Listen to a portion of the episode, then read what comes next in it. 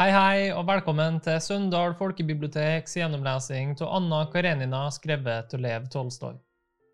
Vi leser bind 2, femte del, kapittel 14.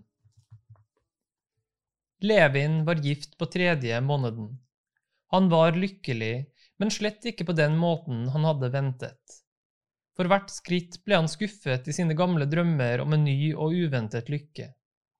Levin var lykkelig, men da familielivet begynte, fikk han for hvert skritt merke at det var noe ganske annet enn han hadde forestilt seg. For hvert skritt følte han det samme som den føler som nyter synet av en båt sikre, lukksalige seilas over sjøen, og så selv vil ta plass i båten. Han så at det ikke bare var å sitte rolig uten å rugge på seg, han måtte også passe på, ikke et øyeblikk glemme hvor båten skulle hen, at han hadde vann under føttene og måtte ro, at det gjorde vondt i hendene når man ikke var vant til arbeidet, at det var lett nok bare å se på, at å gjøre det derimot var morsomt nok, men meget vanskelig. Som ungkar hadde han stundom sett andres samliv, sett alle de små bekymringene, trettene og sjalusien, og bare smilt foraktelig inne i seg. I hans ekteskap skulle ikke bare slikt være umulig etter hans faste mening, men han syntes endog at de ytre formene måtte bli fullstendig forskjellige fra andre ekteskaper og isteden ble plutselig livet med konen slett ikke noe særeget. Ja, ikke nok med det, det bygget seg ene og alene opp av nettopp de selsomme, ørsmå bagatellene han før hadde foraktet slik, men som nå mot hans vilje fikk en usedvanlig og ubestridelig betydning. Og Levin så at det slett ikke var så lett å ordne alle disse bagatellene som han før hadde trodd. Til tross for at Levin mente han hadde de mest korrekte begreper om familieliv, hadde han som alle menn uvilkårlig forestilt seg familielivet bare som nytelse av en kjærlighet intet burde forstyrre, og ingen smålige bekymringer burde få lede en bort fra. Efter hans oppfatning skulle han gjøre sitt arbeide og hvile ut efter det i lykksalig kjærlighet. Hun skulle være elsket, det var alt. Men som alle menn glemte han at hun også trengte til arbeidet, og han ble storlig forundret over at hun, den poetiske, yndige Kitty ikke bare de første ukene, men alt de første dagene av deres samliv kunne gjøre seg tanker og bekymringer om dukene, om møblene, om madrasser til overnattingsgjestene, om et serveringsbrett, om middagsmaten osv. Alt som forlovet var han blitt slått av besluttsomheten hun viste da hun sa nei til en utenlandsreise og bestemte å dra ut til godset. Det var som om hun visste om noe som måtte gjøres, og ved siden av sin kjærlighet greide å tenke på uvedkommende ting. Det hadde såret ham den gang, og også nå ble han mer enn en gang såret av hennes smålige strev og bekymringer. Men han så at hun ikke kunne være dette foruten, og riktignok fattet han ikke hensikten om måtte le av disse bekymringene, men fordi han elsket henne, kunne han ikke annet enn like dem. Han måtte le slik hun flyttet rundt på møblene de hadde bestilt fra Moskva, innredet sitt eget og hans værelse på ny, hengte opp gardiner, ordnet med rom som gjestene og Dolly skulle ha, ordnet værelse til den nye piken sin, bestemte middagen for den gamle kokken, la seg ut med Agafia Misjalovna og ville ha henne bort fra spiskammerset. Han så hvordan den gamle kokken smilte og nøt synet av henne mens han hørte på de uforstandige og umulige ordene hennes.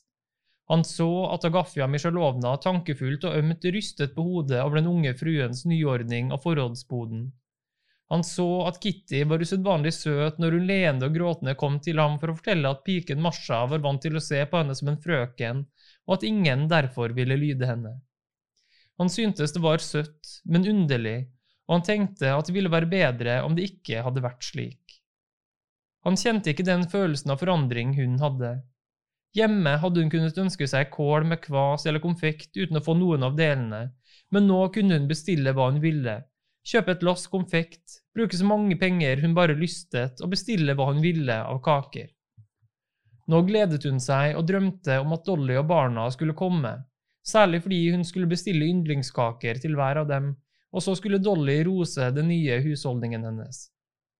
Hun visste verken grunnen eller hensikten, men husstellet tiltrakk henne med uimotståelig kraft.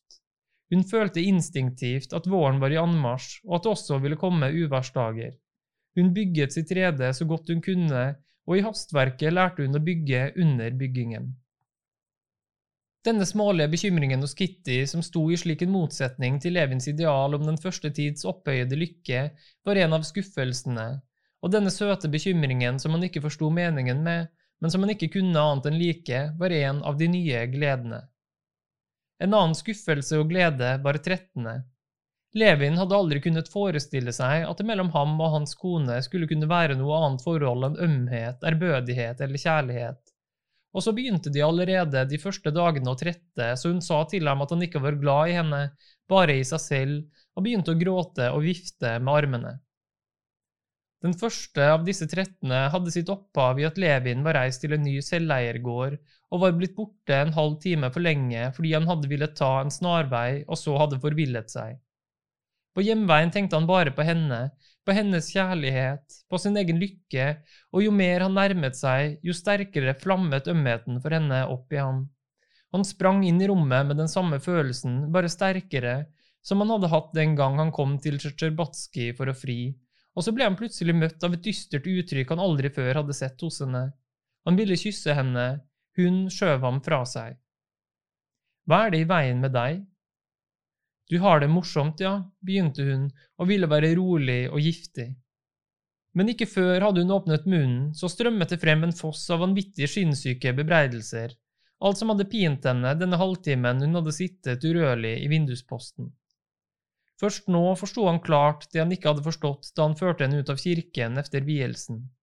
Han forsto at hun ikke bare sto ham nær, men at han nå ikke visste hvor hun opphørte og han begynte.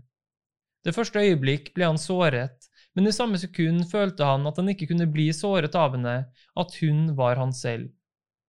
Det første øyeblikket hadde han en følelse som lignet enn en mann har som plutselig får et hardt slag bakfra og snur seg sint og hevngjerrig for å finne synderen, men som så oppdager at det er han selv som uforvarende har støtt seg, at det ikke er noen å bli sint på, at han må tåle å stille smerten selv. Siden følte han aldri mer dette med samme styrke, men denne første gangen gikk det lenge før han kunne summe seg. En naturlig følelse krevet at han skulle vise hvor uskyldig han var, og bevise at hun tok feil. Men å bevise at hun tok feil, var det samme som å irritere henne ytterligere og gjøre det bruddet verre som var grunnen til hele denne sørgelige historien. En velkjent følelse ville drive ham til å fri seg fra skylden og legge den på henne. En annen følelse, som var sterkere, ville drive ham til å glatte over bruddet som var skjedd, så fort som mulig, så fort som bare mulig før det fikk tid til å forverre seg. Å la en slik urettferdig beskyldning bli sittende på seg var vondt, men å renvaske seg og tilføye henne ondt var enda verre. Som en mann som ligger halvt i søvne og pines av smerte, ville han rive løs, kaste bort det vonde stedet, og da han kom til seg selv, merket han at det vonde stedet, det var han selv. Han fikk bare forsøke å hjelpe det vonde stedet å holde ut, og det forsøkte han også. De forlikte seg. Hun skjønte hun tok feil, men sa ikke noe, ble bare ømmere mot ham, og han opplevde en ny, fordoblet kjærlighetslykke. Men dette forhindret ikke disse sammenstøtene i å gjenta seg, og det riktig ofte og med det mest uventede og ubetydelige påskudd. Disse sammenstøtene skyldtes også ofte at de ennå ikke visste hva som betydde noe for den andre, og at de begge denne første tiden ofte var i dårlig humør. Når den ene var i godt lune og den andre i slett, ble ikke freden brutt, når det hendte seg at de begge var i dårlig lune, så oppsto det sammenstøt av så ufattelig betydningsløse årsaker at de etterpå var ute av stand til å huske hva de hadde trettet om. Sant nok, var de begge i godt humør, hadde de dobbelt glede av livet. Men allikevel var denne første tiden en tung tid for dem. Hele denne første tiden følte de særlig skarpt en spenning, det var som om de nappet og dro i hver sin ende av den lenken de var bundet sammen med. I det hele tatt ble disse hvetebrødsdagene, altså den første tiden efter bryllupet, som Levin tradisjon tro hadde ventet seg så mye av, langt fra noen tid for hvetebrød, men kom i begges erindring til å stå som den tyngste og mest ydmykende tid i livet deres. De forsøkte begge senere i livet å slette minnet av alle de heslige situasjonene de skammet seg så over fra denne usunne tiden, da de begge sjelden var i normalt humør, sjelden var seg selv. Først da ekteskapet var inne i sin tredje måned etter at de var kommet tilbake fra Moskva hvor de hadde vært en måned, begynte livet deres å flyte roligere.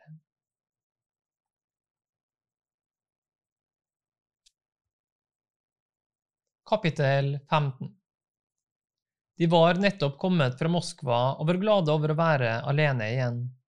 Han satt ved skrivebordet på arbeidsværelset og skrev. Hun satt i den mørkelilla kjolen hun hadde hatt på seg de første dagene de var gift, og nå hadde tatt på seg igjen, en kjole han husket og var særlig glad i, på sofaen. Den samme skinnsofaen som bestandig hadde stått i arbeidsværelset hos Levins farfar og far, og holdt på med et broderi angles. Han tenkte og skrev mens han hele tiden gledet seg over følelsen av hennes nærvær. Arbeidet hans med driften og boken som skulle bringe grunnlaget for en ny drift, var ikke forlatt. Men på samme måte som dette arbeidet og disse tankene før hadde forekommet ham som små og ubetydelige i sammenligning med det mørket som dekket hele livet, forekom de ham nå akkurat like betydningsløse og små i forhold til hans liv, som nå lå foran ham badet i lykkens strålende lys.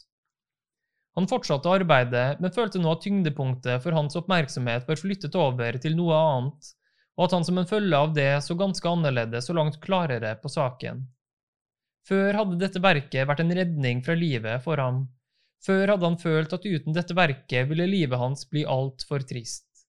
Men nå trengte han til dette arbeidet for at livet ikke skulle bli så altfor ensformig lyst. Da han ga seg i kast med papirene sine igjen og leste gjennom det han hadde skrevet, fant han til sin glede at verket var arbeidet verdt. Verket var nytt og nyttig. Han fant mange av de gamle tankene sine overflødige og outrerte, men han kom til klarhet på mange punkter han før hadde måttet springe over når han nå tok hele verket frem i minnet igjen. Han holdt nå på å skrive et nytt kapittel om årsakene til landbrukets ufordelaktige stilling i Russland. Han ville bevise at Russlands fattigdom ikke hadde sin årsak bare i en uriktig fordeling av jordeiendommene og en gal politikk, men at fattigdommen i den senere tid også var blitt fremmet av en ytre sivilisasjon som var blitt kunstig podet inn på Russland. Særlig i kommunikasjonene, jernbanene, som førte til en sentralisering i byene, til en utvikling av luksusforbruket og dermed også til skade for landbruket, til en fremvekst av fabrikkindustri, kreditt og kredittens følgesvenn, børsspekulasjon. Hans syn var følgende. Ved en normal utvikling av statens rikdom skulle disse fenomenene opptre først når det i jordbruket var nedlagt et betydelig arbeide, når det var kommet i de riktige eller i det minste i faste former. Et lands rikdom måtte vokse jevnt og først og fremst slik at ikke andre grener av rikdommene kom i utakt med landbruket. Til en viss tilstand i landbruket måtte det finnes kommunikasjoner som svarte til denne, og ved vår uriktige anvendelse av jorden var jernbanene, innført av politisk og ikke økonomisk nødvendighet, for tidlig ute, og istedenfor å hjelpe landbruket frem slik man hadde ventet, kom de landbruket i forkjøpet, forårsaket utvikling av industrien og kreditten og fikk jordbruket til å stagnere. Derfor, på samme måte som en ensidig og for tidlig utvikling av et enkelt organ hos et levende vesen ville hemme dets utvikling som helhet, gjorde kreditten, kommunikasjonene og oppsvinget i fabrikkdriften, ting som ute i Europa var uomgjengelig nødvendige, i Russland bare skade på utviklingen av landets rikdom som helhet fordi disse tingene tok plassen fra det viktige spørsmål som først måtte løses, landbrukets ordning. På samme tid som han satt og skrev på sitt, tenkte hun på hvor unaturlig aktpågivende mannen hennes hadde vært overfor den unge fyrst Tsjartskij, som hadde flørtet meget taktløst med henne aftenen før de reiste. Han er jo sjalu, tenkte hun. Herregud, så søt og dum han er. Han er sjalu for min skyld. Han skulle bare visst at de er luft for meg alle sammen, tenkte hun, og så med en eiendomsfølelse som var så merkelig, syntes hun, på bakhodet og den røde halsen hans. Det er jo synd å ta ham bort fra arbeidet. Han blir nok allikevel ferdig i tide, men jeg må se ansiktet hans. Mon tro han føler at jeg ser på ham? Jeg skulle ønske han ville snu seg. Ja, det ønsker jeg. Og så spilet hun øynene enda videre opp for å gjøre virkningen av blikket sitt sterkere. Ja, de trekker til seg all saft og skaper en falsk glans, brummet han og stanset å skrive, og da han følte at hun så på ham og smilte, snudde han seg.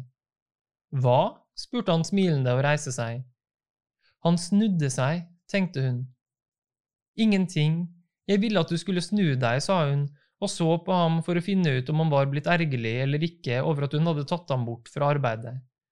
Nei, du, så godt vi to har det sammen, i alle fall jeg, sa han og kom bort til henne med et strålende lykkesmil. Jeg har det så godt, jeg vil ikke reise noe sted, særlig ikke til Moskva. Men hva tenkte du på? Jeg? Jeg tenkte Nei, nei, gå nå og skriv videre. Kom nå ikke ut av det, sa hun og rynket leppene. Og nå må jeg klippe disse hullene her, ser du. Hun tok saksen og begynte å klippe. Nei, si nå hva det var, sa han, satte seg bort til henne og fulgte den lille saksens sirkelbevegelse med øynene. Uff, hva jeg tenkte på? Jeg tenkte på Moskva og bakhodet ditt. Hvorfor har nettopp jeg fått en slik lykke? Det er urimelig, det er altfor godt, sa han og kysset henne på hånden. For meg er det motsatt. Jo bedre det er, jo rimeligere. Men du har en lykkelokk, sa han og snudde varsomt på hodet hennes. En lykkelokk, ser du, her er den. Nei, nei, vi har jo ting som må gjøres. Arbeidet var ikke kommet i gang igjen ennå da Kusma kom inn for å melde at teen var servert, og de sprang fra hverandre som om de hadde gjort noe galt. Er de kommet fra byen? spurte Levin Kusma. De kom nettopp nå, de pakker ut. Kom så fort du kan, sa hun til ham da hun gikk ut av arbeidsværelset, ellers leser jeg brevene uten deg, og så kan vi spille firhendig. Da han var blitt alene og hadde samlet heftene sine sammen i den nye dokumentmappen hun hadde kjøpt, begynte han å vaske hendene i den nye vaskeservanten med alle de nye og elegante rekvisittene som også var kommet sammen med henne. Levin smilte av tankene sine og rystet misbilligende på hodet over disse tankene. En følelse som minnet om anger, pinte ham. Det var noe han skammet seg over, noe vekt, noe kapuansk, som han kalte det for seg selv, i livet hans nå. Å leve på denne måten er ikke bra, tenkte han. Se, nå er det snart gått tre måneder, og jeg har nesten ikke gjort noen ting. I dag var det nesten første gang jeg for alvor satte meg til å arbeide, og hva skjer? Ikke før har jeg begynt, så gir jeg opp alt. Til og med mitt vanlige arbeide, det har jeg også nesten oppgitt. Og driften, jeg tar meg nesten aldri en tur mer, enten til hest eller til fots. Snart så synes jeg det er synd å gå fra henne, snart ser jeg at hun kjeder seg. Og jeg som trodde at før bryllupet gikk livet som det best kunne, ble liksom ikke regnet med, men så, efter bryllupet, skulle det virkelige livet begynne. Og nå er det snart gått tre måneder, og jeg har ennå aldri noen gang gått så ørkesløs og ledig. Nei, dette går ikke an, jeg må komme i gang. Naturligvis er det ikke hennes skyld, det har ikke vært noe å si på henne, jeg skulle selv ha vært fastere, skulle ha voktet på min uavhengighet som mann. Ellers kan jeg jo på denne måten venne meg til dette livet og dra henne med også. Naturligvis er det ikke hennes skyld, sa han for seg selv. Men det er vanskelig for et misfornøyd menneske å la være å bebreide noen annen, også den som står en aller nærmest det man er misfornøyd med. Og hos Levin oppsto det uklart en tanke at det ikke var hun som hadde skylden. Hun kunne ikke ha noen som helst skyld, men oppdragelsen hennes, som hadde vært altfor overfladisk og frivol. Denne tosken Tsjarskij, hun ville, det vet jeg, men kunne ikke stanse ham. Ja, bortsett fra interessen for huset, den hadde hun, bortsett fra sitt toalett og broderi anglais har hun ingen alvorlige interesser. Hun har ingen interesse for arbeidet mitt, for driften, for bøndene, for musikken hvor hun er temmelig flink, eller for lesningen. Hun bestiller ingenting og er fullt tilfreds. I sitt stille sinn fordømte Levin dette, og forsto ennå ikke at hun forberedte seg til det arbeidet som ventet henne når hun samtidig skulle være husmor i hjemmet, sin manns hustru og en som gikk med barn, som fødte dem og oppdro dem. Han forsto ikke at hun instinktivt visste dette, og mens hun gjorde seg rede til dette fryktelige slitet, ikke bebreidet seg de ubekymrede øyeblikk og den kjærlighetslykke hun nøt nå mens hun glad bygget på det som skulle bli hennes rede.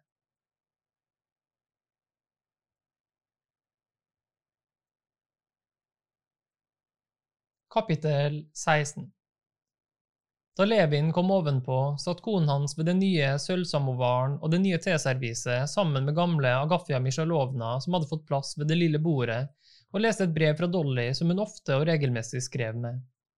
Se, fruen deres har satt meg her. Hun sa at jeg skulle sitte sammen med henne, sa Agafia Misjalovna og smilte mot Kitty.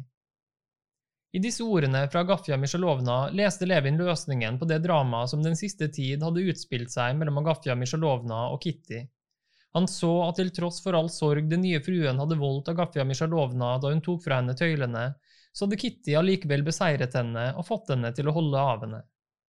Ja, nå har jeg lest ditt brev også, sa Kitty og rakte ham et brev fullt av skrivefeil.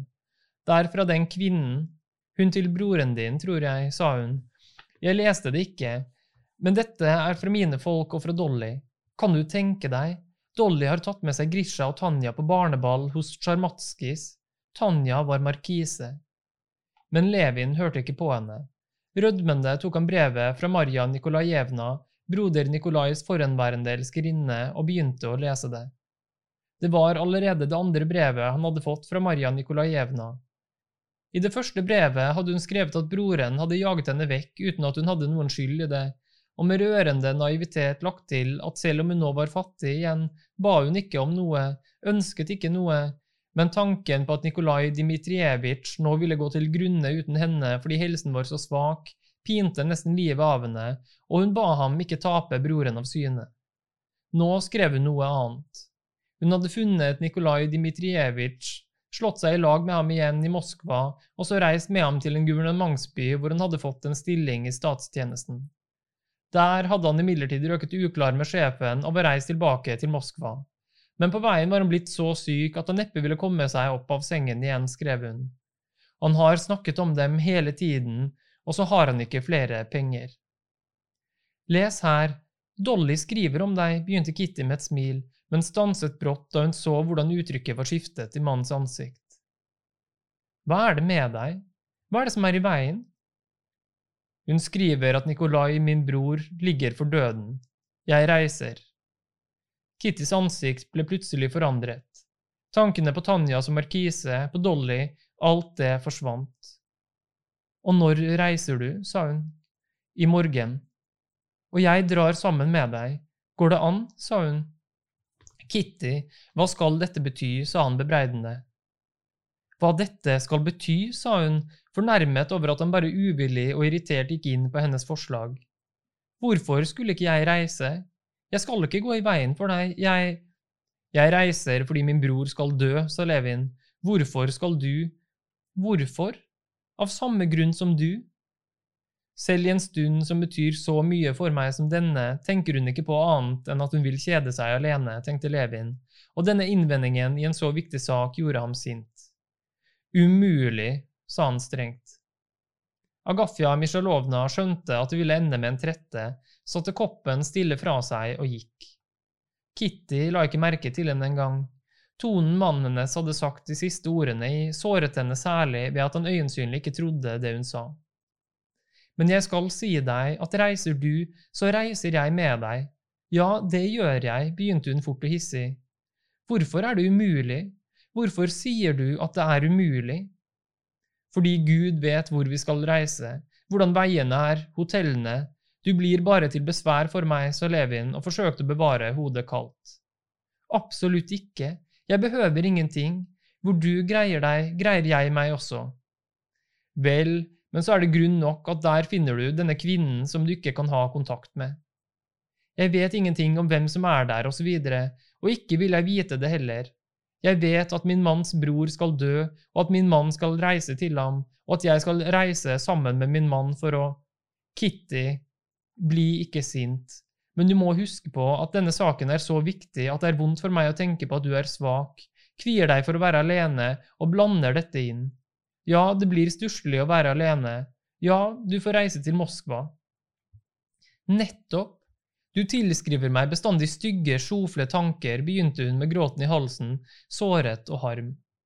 Det er ikke noe slikt, ikke svakhet, ingenting, jeg føler at det er min plikt å være sammen med min mann når han sørger, men du søker med vilje å såre meg, vil ikke forstå. Nei, dette er grusomt.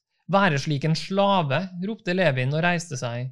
Nå greide han ikke å holde irritasjonen igjen lenger, men i selsomme øyeblikk merket han at det var seg selv han rammet. Hvorfor har du giftet deg, da? Du kunne vært fri. Hvorfor, når du angrer? brøt hun løs, spratt opp og for inn i salongen. Da han kom efter henne, var hun halvkvalt av tårer. Han begynte å snakke og lette efter ord som ikke skulle få henne på andre tanker, men bare roe henne, men hun hørte ikke på ham og ville ikke innrømme noe som helst. Han bøyet seg over henne og tok den trassige hånden hennes. Han kysset henne på hånden, på håret, så på hånden igjen. Hun satt hele tiden taus. Men da han tok om ansiktet hennes med begge hender og sa Kitty, kom hun plutselig til seg selv, gråt litt og forsonet seg med ham. Det ble bestemt at de skulle reise sammen neste dag. Levin sa til konen at han trodde at hun ville reise bare for å være til nytte, og gikk med på at det ikke ville være noe upassende i at Marja Nikolajevna var hos broren. Men innerst inne dro han av sted utilfreds både med seg selv og med henne. Han var misfornøyd med henne fordi hun ikke kunne greie å slippe ham av gårde, og underlig var det ikke å tenke på at han, som ennå ganske nylig ikke hadde våget å tro på den lykke at hun skulle kunne elske ham, nå følte seg ulykkelig over at hun elsket ham altfor sterkt.